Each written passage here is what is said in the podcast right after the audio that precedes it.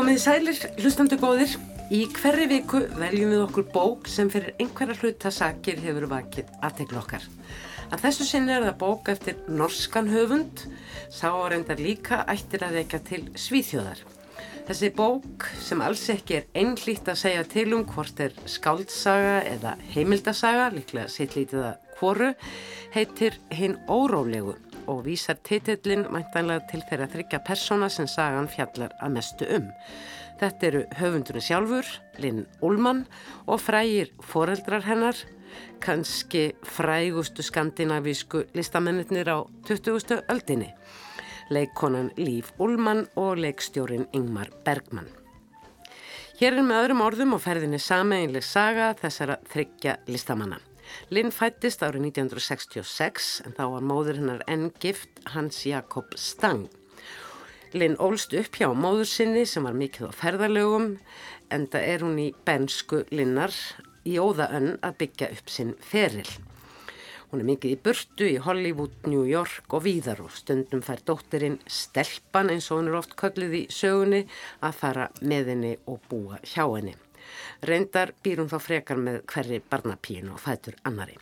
Aðeins einn mánuð á ári dvelur hún hjá föður sínum, leikstjóranum Mikla, í Hammers á eiginu fóru. Þar er fallegt mjög og mörg hús, púl og bíó og ótal konur, ekki síst síðasta eiginkona Ingmars Bergmanns Ingrid. En allar hugsa það er um að hverstastlegt líf leikstjórans sé í sem bestum og skipulóðustum skorðum. En hann var orðin 47 ára þegar að Linn fættist. Linn Ullmann, höfundurinn sjálfur, fetaði ekki í fótspór foreldra sinna á leiksviðið á kvítatjaldinu þótt hún leki sem barn í nokkrum kvikmyndum og byðust reyndar tækifæri til frekari sigra á kvítatjaldinu sem fullorðin. Hún lærði ennsku og ennskar bókmyndir við Háskólinn New York og starfaði lengi sem bladamæður heimi í Nóri og gerir það jafnvel ennþá.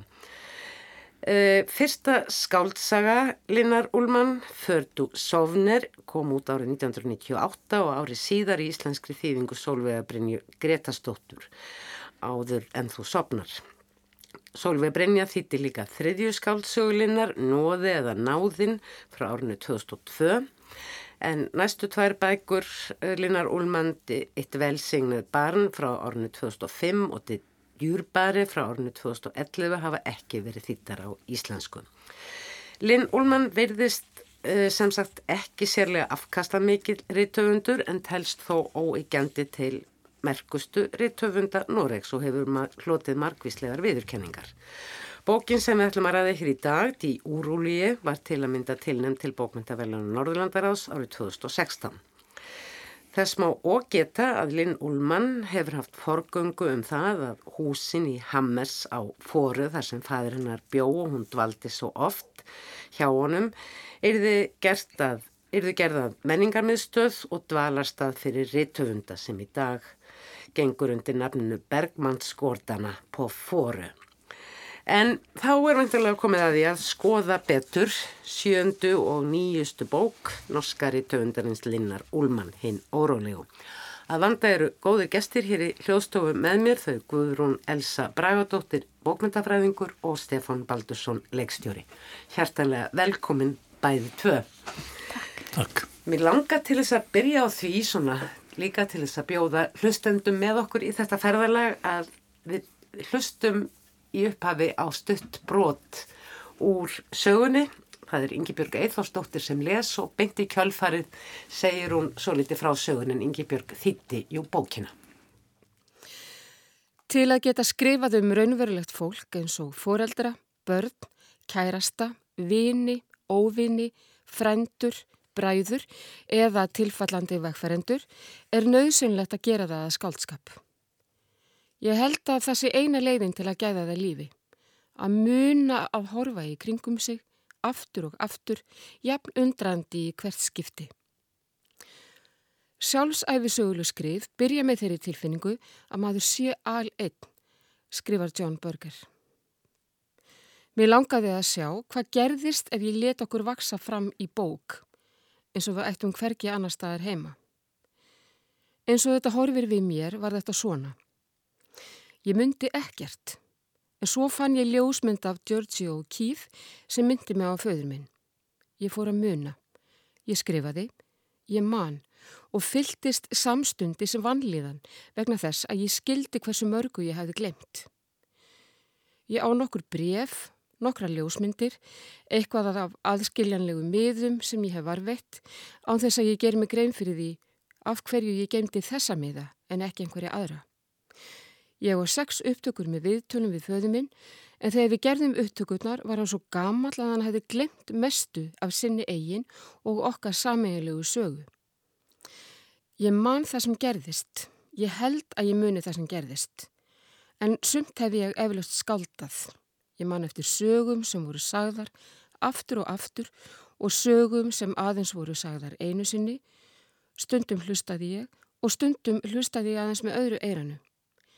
Ég legg þetta allt saman, hlið við hlið, læt það styðjast hvað við annað, reyni að finna stefnu. Sko, bókin er náttúrulega mörgum plönum. Í upphafi bókarinnar lýsir hún mikið sumrum sem hún átti með þauður sínum þegar hún dvaldi hjá honum einn mánuð á hverju ári, júlimánuð á fóru uh, og hvernig hann var sem fadir. Síðan er hún líka að lýsa bara æfi sinni, hún náttúrulega dvelur mest með móðu sinni sem er þessi heimsfæraðileikona. Hún er mikið með einhverjum badfóstrum og uh, það er tætingur á þeim, það er flytja til, til New York um hríð og þannig að þeirra lýsingin á þeirra sambandirinn raunir miklu svona flokknari og erfiðari heldur en þessi indælu sömur sem ná með föðu sinn sem eru bara þetta indala umhverfi og síðan náttúrulega eftir þau eru um fullorðin þá breytist þetta samband.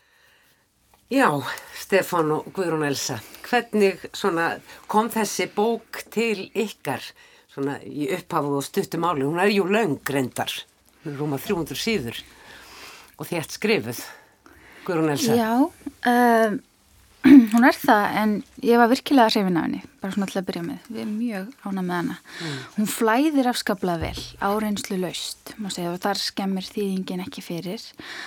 Og maður fara á tilfinninguna að Linn Ullmann hafi tekist það sem hún ætlaði sér eins flóki og það kann hafa verið. Henni tekst að breyða upp margslungin í mynd af föður sínum og móður og af lífi sínu og lífi þeirra En ég var einnig hrifnust af því hvernig hún miðla staðnum sem var svo mikilvægur föður hennar, Hammars á eiginu fóru. Man langar eiginlega bara til að ferðast á það. Já, það er þessi rósemt sem fylgir staðnum og þessu reglumbundna lífi föðurins og ma mm. man langar einmitt, man, mér líður næst, næstu því svo ég sé uh, búin að fara ángar. Þannig að ég, mér skildrindur hann hafi gert, hann Ingmar Bergman hafi gert tvær myndir um staðin sem ég langar ósláð mikið að sjá núna. Mm. Stefán, hvernig fannst þér að þetta já, gamlan kennarðinn á já, þessum síðum. Ég, ég var með svona daldinn fyrirvara á fyrstu blaðsíðunum. Vissi ekki alveg hvaða bókja verið að fara að lesa að því að hún segir eh, hérna þó að sé skrifað utan á hana hún síðum fóröldrennar einhverju leiti að þá segir hún skaldsaga og svo byrjar hún að, að segja frá eh, hérna, þessum sumrum á, á fóru og og föðu sínum og maður fannst einhvern veginn, mér fannst þetta ekki lifna alveg í blábyrjunni og hugsaði já, hún ætlar að slá sér upp á þessum fræga pappa sínum sem að maður veit allt um. Þannig, hva, hvað getur hún sagt? Maður nýtt, maður er búin að sjá alla bíómyndirnar hans og marga leiksýningar og lesa allt sem hann hefur skrifað einlega og, og um hann hefur verið skrifað hort á heimildumyndir, sett upp eftir hann leikrit og hvað og hvað. Hérna, svo áttar maður svo því þegar maður lesa hans lengra að þetta er eiginlega alveg nýr vingil að því allt þetta sem ég taldi upp það er listamæðurinn, leikstjórin og leikustjórin Ingmar Bergman svona í þessu vinnu samhengi sínu en hún er að lýsa miklu meira personuleika pappasins manneskunni og þeirra samskiptum og, og, og hérna sem eru náttúrulega aldrei sérstug fyrst því að hún er bara þegar, þegar hún fæði hún er um eins ást þegar hún kemur hérna fyrst með mammu sinni og, fæðist í Oslo og svo eru, eru, eru þær þarna hjá honum einhverju leiti þegar hún er bara smábat mm. og svo er hún eins og kom fram hérna svo er hún sendt þarna á sum, sumrin til hans í nokkra vikur og það rennur upp fyrir manni smá saman því að hún einhvern veginn kann að setja það svo snildalega fram þessi höfundur. Mm hvað henni þykir vænt um hennar mann Já. og hvað hún lærir mikið af honum og því þú nefndir röð og reglu og allt þetta sem hann er að mm. predika fyrir henni að einhvern veginn verður þetta svo stór þáttur af henni, af henni sjálfri og hún segir líka ég býti kort, ég skrifa lista, ég vil hafa rauð og reglu og allu en hún setur þetta fram mjög, í mjög í rauninni fjölbreytilum stíl mm. finnst mér því hann er, hann er alltaf að breytast svona, hún hoppar millir stíltegunda og það, hún er mjög auðlesin þessi bók Já. því að hún er, hún er í stuttum köplum og þetta er svona bók sem maður getur ímyndið sem hverfi til aftur og grípi niður í aftur og aftur. Já, lesa einhvern annan kapla Já, kannski niður í bók. Það getur verið mjög frólægt að lesa eitthvað af fyrstu köplunum þegar maður er búin að lesa allir bókina. Mm. Mm. En sem sagt þó ég, þó ég hafa haft einhvern fyrirvar svo fyrst þá bara þá bara þá, hérna kveikti á þessu mjög fljótlega mm. og mér finnst hún bara verða betur og betur eftir sem álýður. Miða við þessi orð uh, höfundarins þarna sem við heyrðum uh, uh, Ingi Björgu lesa og koma fyrir mjög senti, þetta kapli mjög aftarlega í sögunni og það er þetta með skálskapin og, og raunveruleikan því að manni finnst þetta nú allt bara tiltölulega raunverulegt. Eh, þannig séð eins og þetta hljóti bara hafa gerst tiltölulega svona. Já, ég, ég hugsaði mikið um, um, um þá ákvörðin að kalla söguna skáldsögu. Þar sem hún byggir á minningum höfundar eins og samtölum og svo framvegis og, og einmitt, hún er svo lifandi. Mér líður ekkert eins og hún sé að skálda neitt mm. sko. og Þetta er náttúrulega vegna þess að hún er, Linn sjálf allavega segir í sögunni, sem er alltaf skaldskapur, uh, að hún sé full vanlíðanar yfir því hversu miklu hún hefur gleimt, hversu miklu, hún er ekki vissum hún munir rétt, hversu oft hún hlustaði bara með öðru eiranu á einhverja mm. sögur og svona. Og orðið skaldsaga leysir þetta náttúrulega. Mm. Hún byggir á því sem hún man... Hún gefur henni ákveðið rými og ákveðið frelsi. Já, hún getur fyllt í eigðurnar svolítið og, mm. og gefið ímyndunarafnum lausan taumin. Og svo kemur þetta fram líka í bókina að Bergman sjálfur skrifaði um fóraldra sína eftir að þau létust. Og þá skrifaði hann skáldsögur um þau. Þannig að hún er líka Aha. að feta í fótspór föðusins með því að skrifa svona skáldsögu um fóraldra sína. Mm. Það sem að Mér fannst aldrei mjög merkilegt og, og eins og þú, þú talaður um ólíka stíla því að sjónarhornin, þó að sjónarhornin sé, já ég held mér sjó að segja alltaf höfundarins eða þess sem skrifar, að þá er höfundurinn í rauninni margar personur. Hún er stelpann og þá talar hún um hana í þriðju personu með þessi orði stelpann, þá er hún lítil og bernsk með mm. spangir og tönnunum og, og allt þetta. Og með uh, ótal fyrirvara gagvar því sem hún er að uh, sjá. En síðan notar hún líka sem sagt bara þriðju personu frásögn uh, fullorðins. Og svo notar hún líka fyrstu personu frásögn Þetta fannst mér aldrei hérna glúrin í rauninni hérna aðferð. Já og kannski gerir það það verkum að maður einhvern veginn lifið sér mjög sterklega inn í þessa benskuðnar þegar hún er að horfa á hann eins og utanfrá uh, mm. og á aðeins annan hátt heldur hún þegar hún fer að taka völdin algjörlega sem fyrstu personu sögumæður og þá snýst þetta í rauninni þetta sem líður á því hann er svo miklu eldri en hún, hann er svo fullorinn næstum 50 þegar hún fæðist. Já. hann er næstum því, finnst mann stundum eins og meiri afi heldur, heldur en pappi og hann þá, undirstreykar það sjálfur í samtölum við hann kallar sjálf hans í gamla pappa en manni finnst sko að þegar hún er orðin fullorðin og þegar hún svona líður á bókina þó hún sé alls ekki í, í réttri tímaröðu eða línuleg þannig að þá er eins og sko hún sé svo sem meira veit heldur en pappin því hann er náttúrulega að byrja að, að verða elli ær og hætta muna og mann ekki orð og, og sér ekki mm. með raugan og þetta verður svona viðsnúningur. Það verður en, svona þessi ringrást lífsins. Já, það er alltaf þessi rosalega einlægni í hennar frásög og væntum þykja. Mm. Mér finnst þetta hálfur ástasaga bara um þessi feðginni því hann verður einhvern veginn aðal person í bókinni og mammenar sem hún skrifa líka mjög fallega um mm. Svo langt sem það nær þá verður hún svona meira á kantinum á vengnum bara Ég var nú fann að halda lengi eh, framan af að, að hún myndi ekkert skrifa um móðu sína nema Já. bara svona eh, á, á kantinum Já. þar sem að eh, eitthvað kemur upp í hugan í tengslum við föðurinn Já. því að það er ekki fyrir fyrir en vel er Kannski, það kannski, verður kannski önnur bók Já. en ég finnst kannski óþægilegt að vera að skrifa mikið um hana meðan hann er lifandi en það eru samt nokkri kaplar um, Jú, um, um hana og það er stolti um aðeins skjóta sko að eh, mér finnst einhvern veginn sko það er einhver fjarlæg í lýsingun á mömmunni.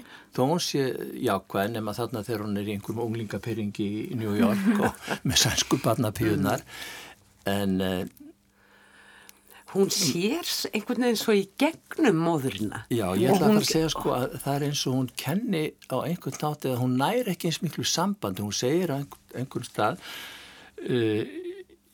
sem er svo uh, fallega orða hjá henni ég saknaði sífælt eða stöðugt móðu minnar þó hún var í sama herbergi og ég Já. Áststelpunar, ég held að hún sé að þá tala um sem stelpu þegar hún var að segja þetta Áststelpunar var of stór og mikil þannig að mamman getur höndlað hana mm. og einhvern veginn finnur hún það að, að hérna, sambandi við mömmuna það verður ekki eins náið þó þessi miklu samfældara kannski mm. 11 mánu ári, ok, hún er að ferða og það er sofa í sama rúmi og svo eru mánuði á pappa sínum og það einhvern veginn er, er svona eins og, eins og stöðugri heimur eins og, eins og þú varst að segja Guðrún að, að hérna að það er röð og regla og allt skipulagt og einhvern veginn finnur þú sig í því hmm. Já Hvað vil þú segja um þessi sjónarhótt? Það er svo margt sko hérna Já, það er rétt sko að það er þessi ólíka sjónarhótt sem gera held í líka bókinu svo læsilega. Maður, veginn, maður verður aldrei þreyttur á tekstanum maður, það er samfélg frásögn af eh, ykkur úr benskunni og svo kemur allt í einu samtal og þá mm. svona, er það svolítið léttir eða, og maður þarf ekki kvíla augun, maður heldur bara áfram og, og svo framvegis. Það mér fannst sko samtölinn melli föður og dóttur sérlega áhrifa mikil mm. Ekki síst vegna þess hvað þau ganga illa. uh, Fadrin er eiginlega orðin of gamal til þess að ráðast í þetta verkefni. Jú, en það Þú ert að tala um samtölinn þeirra sem hún tekur upp á segulbæðum. Já, hún tekur þau upp sérst í mæ 2007 og hann deyri í júli sama ár. Og hérna og hann er bara orðin svo gammal hann eins og segir við komum svolítið elli glöp. Hann fyrir undan flæmingi, vill ekki ræða hitt og þetta, verður órólegur og spyr gertna hvort sé ekki fara að hætta, hvort sé ekki að koma hátdeismatur og maður fær ekki alveg á tilfinninguna hann fái mjög miklu ánægjúr sam, samræðunum. Og Linn lýsir því hvernig rættið er að hafa hljómað eins og það hafi verið órög, jafnvel feimin Uh, hún á erfitt með að hlusta á þessar upptökur. Hún hlustar á fyrstu fimm mínúturnar að daginn sem hann deyr. Og einhvern veginn finnst það svo óþægilt hún bara lokar á þær og, og rauninni vill ekki hlusta og svo týnir það bara. Já, og svo líða uh, alveg sjö ár þá til hún ákveður að vinna úr þessu. Og, og, og hérna ástæðan fyrir þessum samtölum, svo við látum það koma fram er að það er svona sammeili hugmyndir að hún man ekki hvort er áttu uppalegu hugmyndina að þau skrifi saman bókum hvernig það sé að eldast. Já og það sem er svo flott við þessi samtöl er að hvernig hún raðar þeim hérna niður í bókina því að þau eru að skjóta upp kollinum alltaf af og Já, til og, og fyrst þegar mm -hmm. þau mhm. fóru að koma maður las svona fyrstu tókablan eða hvað það var með sandunum þá og þetta er nú, það er nú ekki mikið á þessa græða, þetta Nei. er bara mhm. hverstaslegar og, og skup saklerislegur og uh, umræður sem að maður fekk ekki mikið áhuga á.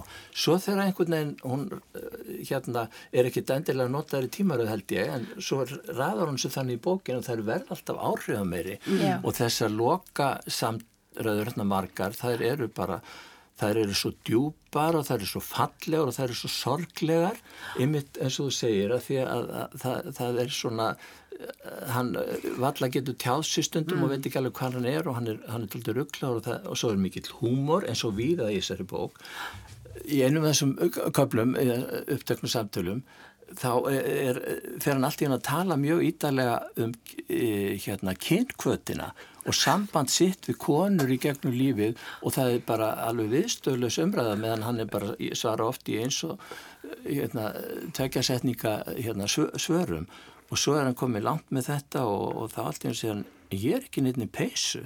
Hvar, hvar er, trey, hvar er hérna prjónatreya mín? Þannig hún nær líka svo fallega þessu óvænta og pínliti humoristiska eins og það mm. verður. Já mér langar til þess að skjóta núna inn í smá uh, bút úr viðtalinu sem ég átti við þýðandan Ingi Björgu Eithórsdóttur þar sem hún uh, er einmitt að, uh, að tala um þessar frásagnir af föðurnum. Í upphafi er það svona frekar ítilist líf en svo náttúrulega breytist þeirra samband mikið með tímanum mm. og einhver tíman á í þeirra lífi og þeirra samspili ákveðu þau að þau ætla að skrifa saman bók og síðan lýsir hún mjög laungum aðdraganda að því, þau eru alltaf að ræða þetta og nú ætlum við að skrifa saman bók og hún á að vera svona og hvað ættu nú að heita og getur við, getur við sótt til að hinga og þanga og síðan lóksins þegar kemur að því að þau alltaf setjast neyru til að gera þessa bók, þá er það eiginlega orðið og sent. Þannig að bókin sem hún skrifar sprettur upp úr því þessu, þessu samtali hennar við þauðurinnar mm. að skrifa bók um ellina þegar að því kemur að bókinni skrifuð, er hann í rauninni horfin inn í ellina.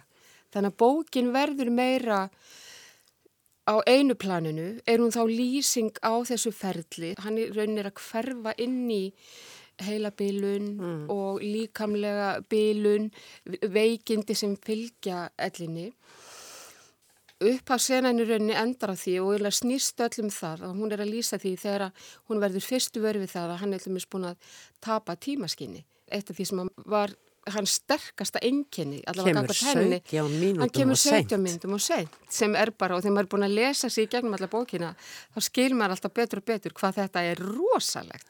Maður sem hafi styrt öllu sínu lífi og öllum í kringun sig með þessari hörðu hendi stundvísinnar Þannig að þegar hann gerir þetta, þetta fyrsta skipti, þá í rauninni er þetta upphafa endalókunum. Strax í byrjun bókarinn? Já, hún byrjar á því og síðan lýsir hún þessu ferli mm.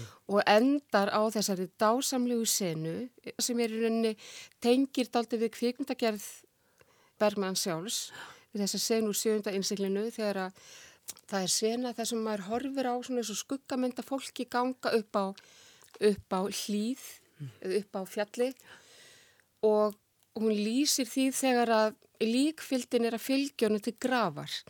Það sem allir ganga í halaróu að kirkjugarðinum og það sem að dótturinn er svo eina sem að stingur í stúf og svona sprengir upp eiginlega þá mynd. Hvítu pils og bleikum ból. Í bleikum, já. Og hún er pínu lítil og hleypur út úr, sprengir eiginlega upp líkfyldina. Þetta er dásamilsena. Mm. Þannig að hún rammar þessa æfi, eða þetta ferli hans frá því að hann byrjar að, að missa krafta, andlega krafta í raun og veru og þanga til að hann er allur. Mm. En alltaf milli gerist mjög marst. Já. Eh, mér langaði til þess að hafa þetta með að því að uh, þarna er hún að vísa uh, Yngibjörg til mynda úr kvikmyndum Bergmanns og þú sagður ju áðan Stefán að þú hefði séð alla myndina og hann var ju kennaraðinn í skóla ef ég hérna er ekki búin að segja það að uh, kannast þú við kauða í þessari bók Dóttur hans og þekkjur, fannst þér myndirnar hans vera þarna einhver leiti í bakgrunni eða leiksýningar? Sko kannski ekkit, kannski ekkit svo mikið því að eins og ég sagði áðan þá er bókin svo mikið eitthvað um hans prívat person eða fjölskyldu föðurinn, pappa hennar og hún er ekki mikið að lýsa hún sem leikstjóra eða leikustjóra í starfi með öðru fólki. Og það var mér sett alltaf skrítið að hérna, hún er eins og tala svo mikið eða talar ofta en einu sinu um eh, einmannalega foreldra sinna og eins og þau hafa verið haldin einhverjum ótt að við vera yfirgefin eða ekki, ekki metin og þetta fannst mér eiginlega að vera meiri lýsing á henni sjálfri heldur um þeim. Já en þú spurður um þetta hvort það kallaðist á. Það er rétt að þessi, þessi döðadanstarn og sjönda innsiklinu þetta minnit alltaf hann lýsingin á líkvildinni og þessi niðurlaskaplar eru frábærir mm. því að þeir verða þeir verða bæði það er blandar saman þessu sem hún ræði svo vel við sko bæði einhverju alvöru og, og dýft og, og, og líka hómor mm. en það eru svona kannski einstakast að dettumanni myndirnar hans í hug. Til dæmis þannig að þegar hún er lítil þá er hann eitthvað að tala um hún segir mér langar svo í stól, barnastól. Og þá fyrir hann að segja hvernig á stólinn að vera, já bara svona venlegu stól eitthvað, já er þetta kannski töfrastól? segir hann. Og þá náttúrulega kveikna tengingin yfir í Fanny og Alexander þegar pappi þeirra krakkana, hann er að svæfaðu eitthvað kvöldið og þá segir hann, sjáu þennan stól. Þið heldur þessi venlu stól. Já, já, þau heldur það. En þetta er sko ekki venlu stól. Hann er 3000 ára gamal og hann var í eigu kýmveskrar keisareinju og svo býr hann til rosalega mikla sögu um stólinn þannig að stólinn fær líf. Mm. Og, og hérna í lok þessar fráskannar hans þá segir hann nú er ég árið ræningi og ég ætla að ræna þessum stól og þá æpa þau uppi og segir nei, nei, nei, þú mátt ekki snertan og þetta er svo fallegt hvernig hún sko vísar í þetta held ég um mátt hérna frásagnarinnar og Já. sögunar mm. og, og, og leikúsins og alls hans æfistars. Þetta er svona lítil, lítil tilvísun Já. Og svo til dæmis var maður líka að hugsa um að hún kemur oft inn á jólinn Uh, og þá fyrir maður líka að hugsa um Fanny og Alexander, það sem er stótt komið sögu, það sem er svona eh, allur fyrst, fyrstu hlutin af þeirri myndserju og, og, og síningu þar sem það, hún hefur verið gerð, er þetta, þessi jólastemning og jólabóð og ægilega mikið borðhald og allt þetta, en svo kemur fram í bókinu að hún segir að hann vildi aldrei, allavega eftir að hún kemur til sögunar og eins og hún þekkir hann, hann vildi aldrei vera að halda hérna upp á jólinn og mammina vildi endilega halda upp á jólinn og gera eitthvað annað og borða fallega mat og köpa gerti og allt þetta. Neða hann held nú ekki. Og þess vegna verður svo trist lítill kapli sem hún segir þegar þau áttu jól saman í Stokkólmi yeah. þá er hún svona fullóni konarúmlega þrítu og hann er að verða áttræður. Og hann býður henn að koma til sína á aðfangadag og hann er einn íbúinni sem að bjóði í Stokkólmi og, og hún kemur þarna og þá er hann búin að senda henni líka stundaskrá Já. að þetta á alltaf gerast á réttum tíma að klukkan þetta mætir þú klukkan þrjú held ég að það verið og mm. klukkan hálf fjögur þá förum við út í kirkju þar sem að afiðinn, pappi minn breytikaði í 30 ár og svo komum við heim og borðum kvöldmat og það verða kannski kjöttbólur og kannski færðu vín. Það verða kjöttbólur og kannski færðu vín. Og svo er þetta sem er líka var í benskuðnar það er þetta, þessi seta, það er að segja samveru stund þar sem þau ættu að setja saman og spjalla. Og hún á að taka að fjóra klukkutíma þarna þetta aðfangandaskvöld mm. og svo stendur 22.30 um kvöldið líkur þessu. Þá áttu að fara og þá voru þau búin að panta leigubíl sem kom á slæginu sko. Já, Já. Þetta, er þetta, er daldi, þetta er svona tragikomist sena að því að þau voru eins og hún lýsir þessu þá náðu þau samt ekki einhvern veginn sama þetta mm. kvöld Þetta er ótrúlegt En það sem ég fannst líka svo merkilegt með þennan mun á frásögninni af móðurinni, Líf Úlmann, eh, sem ég verða viðkenna að eh, ég dyrkaði á okkurum mm. tíma í lífi mínu sem leikonu, líka því hún var norsk og það var nær okkur á Íslandi heldur en svona amrískar eða, eða breskar eh, leikonur. Og, og ég eiginlega sko, hún kemur ekki alveg nógu vel út finnst mér mér, á... mér finnst eins og ég segja hún verður einhvern einhvern veginn auka persóna hún verður líka svo brotætt henn er svo mikið í mun að falla í fjalla, fjalla að og, nei, ég menna höfundunum henn er svo mikið í mun að, að fjalla um sambandi við pappa sinn Já, hún... sem verður einhvern veginn aðal persónan í bókinni. Mm.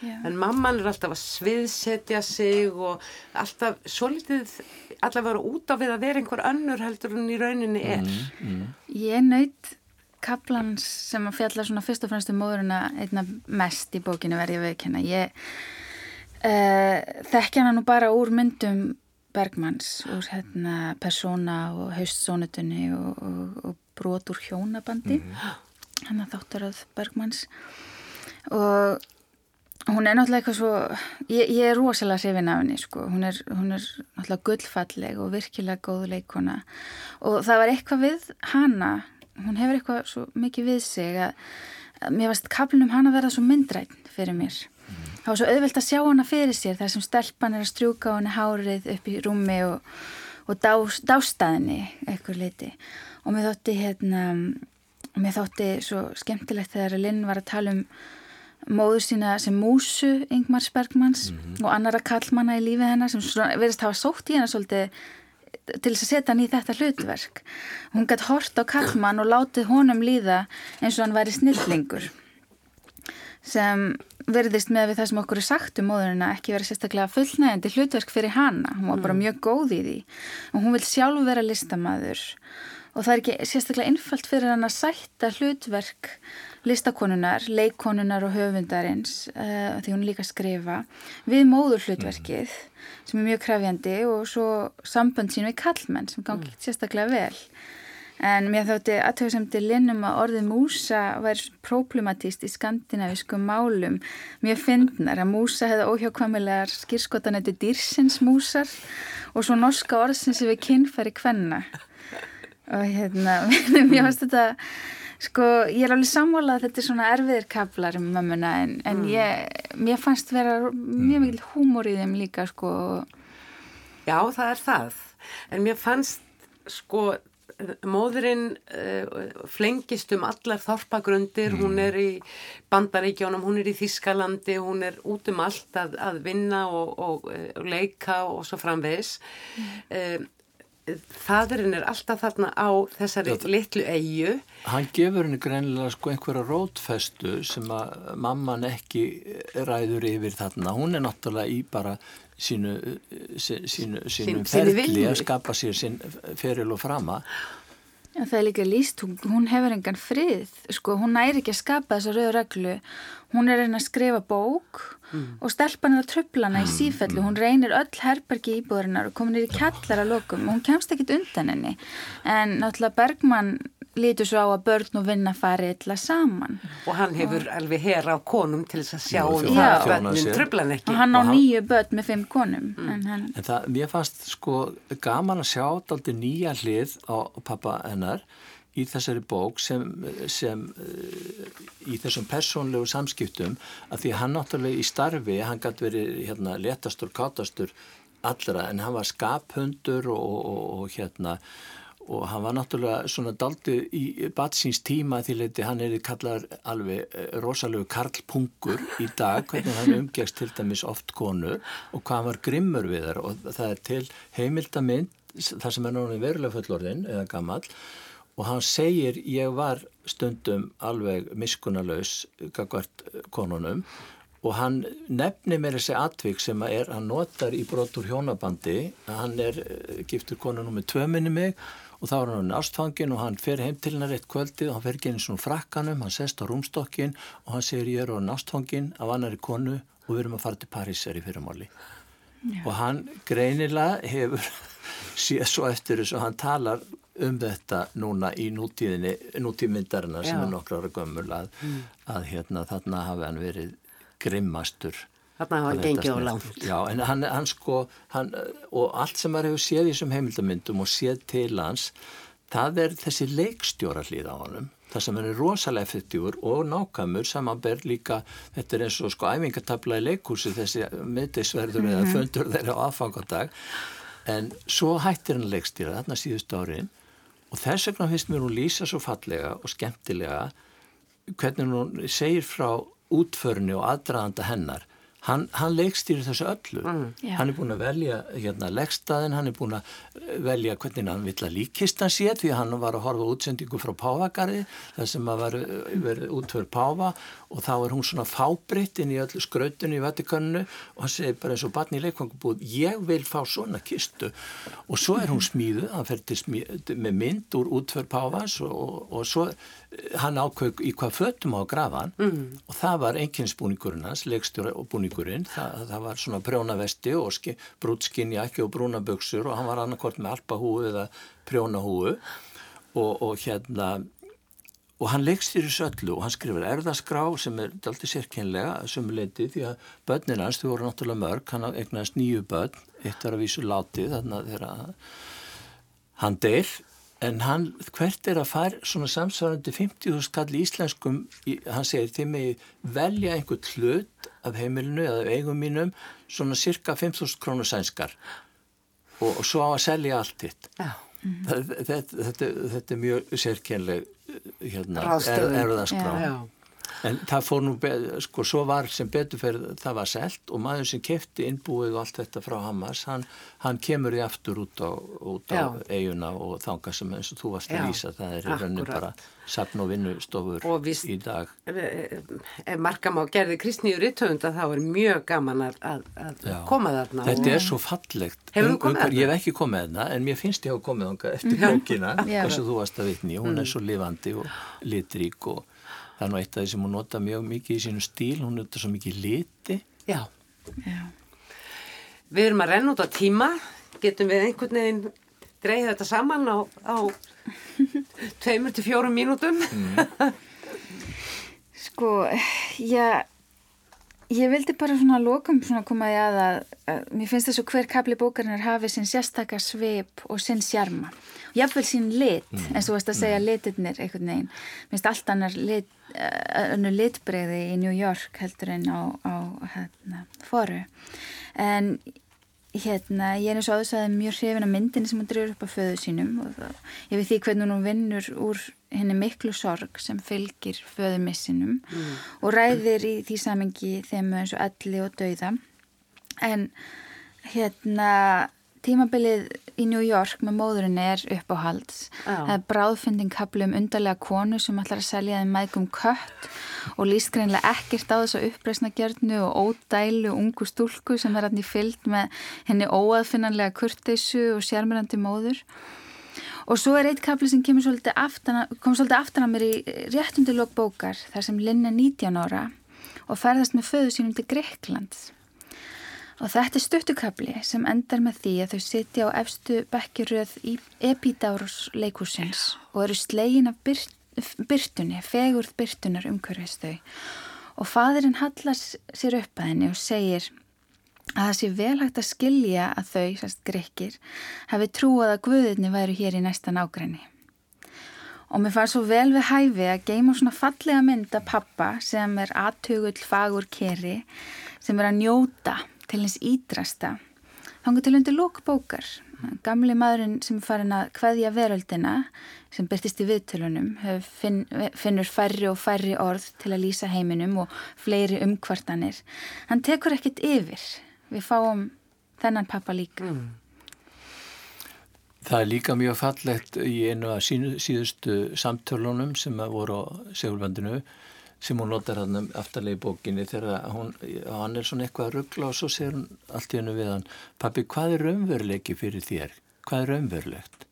Það er þú, segir mm. hann sem er og, og, svona oft stingur hún inn mm. einhverju svona og henni tekst með þessari bóka því þú ert að byggja okkur að summera það er sko ég, ég ger, áfyrir ég oft eftir að leita í þessa bók og bara lesa kapla og kapla vegna þess að hún nær eitthvað svo lýsa svo fallegu sambandi þeirra mm. og hún nær hérna svona dýft og sársög og sérlega eftir því sem líður á bókina og, og svo náttúrulega stórkostli lýsing á honum þegar hann er að hérna, já, leikstýra jarðaförinu eins og ég segi undirbúningnum og svo jarðaförinu sjálfri mm -hmm. sem er lokakablin í bókinu og maður er hálf glökkur þannig að út frá því hvað hún orðar það fallega og skaldlega og mm.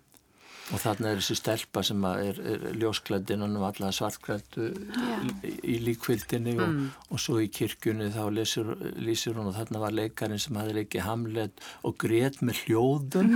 það er svona húmórin er í annari hverju línu og svo eh, sorgin og, og nei hún er mjög áhrifa mikil oft þessi bók og mér finnst hún eh, fær höfundur mm. virkilega. Þetta er mikið hjáttningaverk og, og eh, og það er miskunarlust hvað það varðar eh, en dýrðin er einhvern veginn mikil og eh, ákallið til lífsins og námdarinnar yeah. sem við erum alltaf að reyna að framkalla eh, Guðrún Elsa Bragadóttir og Stefan Baldursson þakk ykkur innilega fyrir áhugavert samtal um hinn órólegu eftir Linn Ullmann. Og ykkur hlustendur góður þakka ég samveruna. Minni á heimasíðu þáttarins þar sem að, þar sem að hlusta má á lestur yngibjargar og viðtali við hanna og fyrir þætti auðvitað líka. Takk fyrir í dag, verði sæl